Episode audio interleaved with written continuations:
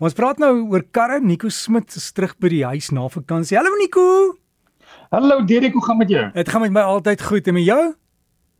Nee, dit gaan baie goed. Ehm um, ek moet sê dis 'n wonderlike dag in Pretoria, 'n lekker dag vir braai.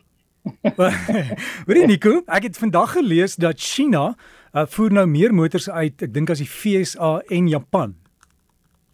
Ja, jy het hom reg. Uh, dit lyk my ons het dieselfde navorsing gedoen of dieselfde artikel gelees. Ah. Want vandag wil ek ja, vandag wil ek spesifiek daaroor praat dat vir 'n lang tyd was uh, Japan die wêreld se grootste uitvoerder, maar dit lyk of hierdie jaar China um, dit gaan uh, weet die die die wêreld se uh, grootste uitvoerder gaan wees van voertuie, meer as Japan. So die groot groot vervaardigers soos jy sê is Amerika, Japan, Duitsland en Suid-Korea.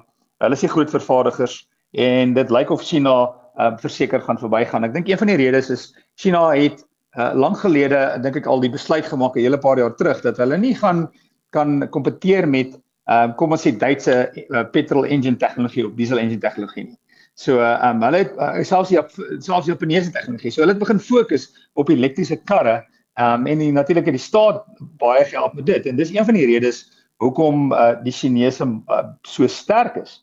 En, en wêreldwyd Ehm um, ook een van die redes hoekom dit um, die daai mark so gegroei het is ehm um, die mark het ongelooflik gegroei in Rusland en Mexiko. Rusland natuurlik met die oorlog in Oekraïne ehm um, het baie motorvervaardigers uit die land uitgetrek. So dit het 'n groot gaping gelos wat die Chinese goed gevul het. So dis 'n ander rede hoekom die Chinese mark ehm um, of die Chinese vervaardigers so sterk is. As jy kyk na die spesifieke Chinese vervaardiger, ehm um, is uh, Chery ehm um, die top vervaardiger. So Chery is China se top motorvervaardiger. En dan as jy net kyk na wêreldwyd uh, hoeveel karre um, gaan verkoop word die die die die die wêreldmark groei natuurlik jaar in jaar word die wêreldmark net soveel groter. So uh, ek nou net my my my regte nommers hierso kry. Daar word ehm um, 10 teen en uh, naby 8 ehm um, 88,3 miljoen nuwe karre gaan hierdie jaar verkoop word om en by. Dit is dis die die vooruitsig vir nuwe karre in die wêreld. So 88.3 miljoen karre. Ons mark in Suid-Afrika is hier rondom 500 000 karre wat laas jaar verkoop is en ons uitvoermark is om by dieselfde um 555 000 karre was uitgevoer wêreldwyd.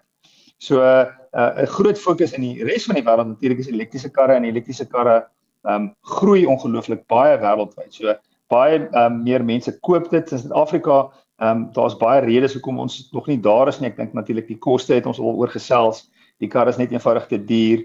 Ehm um, die fokus vir mense is ook anders. Ehm um, die lang afstande dink ek maak baie mense onseker. So as ons dan kyk na die uitvoerders in Suid-Afrika, so die die vervaardigers wat voertuie uitvoer, ehm um, in Desember het Mercedes-Benz 11000, ek gaan net sommer die basiese um, nommers gee, 11000 uh, om en by 11000 karre uitgevoer, Ford 6000, Toyota 5000, BMW 2000 en Isuzu uh 200 60 eenhede of, karre uitgevoer. Die die topverkopers in Suid-Afrika in Desember was Toyota nommer 1 met 6000 karre om en by, uh Volkswagen met 4000, Suzuki met 3000, Hyundai 2000, Kia 1000, ehm um, kom ons sê 1 uh 1800, Chery 1300, uh ook Kia skies 1300, Chery 1400, Haval 1200, BMW 980 en Nissan 814. Uh So as jy sien, kyk, ek weet as ons nou weer eens praat oor die Chinese um vervaardigers, 7 en 8 in Suid-Afrika is Chinese vervaardigers. So dit wys jou net hoe die landskap in Suid-Afrika vir motors verander en hoe mense um begin kyk na Chinese voertuie wat 5 jaar terug verseker mense dit nie sou gedoen het nie. En dan as ons kyk na die middelklas laastens, die middelklas um as ons kyk na die die vervaardigers wat hulle verkies, hulle fokus is baie anders. Dit was ek het 'n interessante artikel gelees oor die middelklas en wat vir hulle belangrik is. So vir die middelklas uh, koper is waarde vir geld baie belangrik en uh, 'n uh, groot hoeveelheid die uh, se fokus is die brandstofverbruik en goeie brandstofverbruik.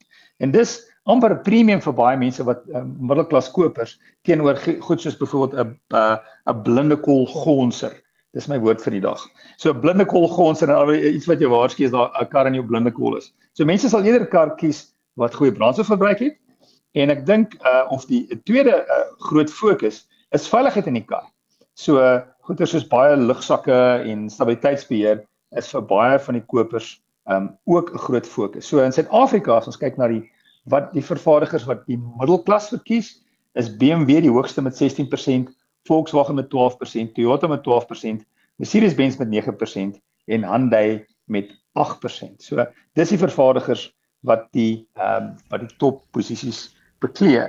So weet Derek, ek kry gereeld vrae van mense wat sê wat se kar moet ek koop, hierdie kar of hierdie kar?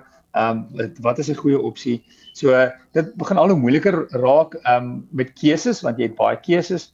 Ehm um, so ek sal altyd sê as jy 'n voertuig koop, ehm um, daar's baie opsies om te onthou, maar dink ook moontlik aan wanneer ek die kar gaan herverkoop, hoe gaan die herverkoopwaarde lyk en waar kan ek goeie nasorgdiens kry en waar kan ek my kar maklik diens. So behalwe vir die ander keuses wat jy maak, is dit ook 'n goeie een, maar op die einde van die dag moet jy die kar ry. So as jy die van die kar hou, ehm um, onlangs het 'n vriend van my het my gevra, hy wil sy vrou 'n kar koop en in Suid-Afrika is dit 'n kar wat nie 'n goeie tweedehandse waarde het nie. Maar hulle hou baie van die kar en die kar het baie meer spasie. Dis so ek weet jy wat, ehm um, solank jy weet wat die voor en nadele is, as jy jou besluit maak, jy moet hom ry en jy moet gelukkig wees. So as jy goeie huiswerk gedoen het, dan uh, en jy uh, hou nog steeds van die kar, koop hom want dit help nie jy koop iets waarvan jy glad nie hou nie. Ja, en ry jy iets waarvan jy hou, Nico?